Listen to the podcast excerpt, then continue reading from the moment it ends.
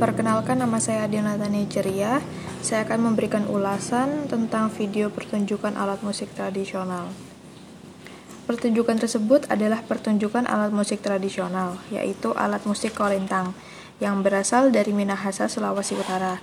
Lagu yang dibawakan adalah Rasa Sayangnya yang berasal dari daerah Maluku dan diciptakan oleh Paulus Pea. Orang-orang yang membawakan pertunjukan ini sudah mahir dalam bermain kolintang. Itulah alasan mengapa pertunjukan terasa sangat indah jika didengarkan. Karena itu tadi, para pemain musik yang membawakan lagu ini sudah mahir dalam bermain musik ini, sehingga mau dibuat berapa macam nada yang dipadukan, pertunjukannya pasti terdengar indah.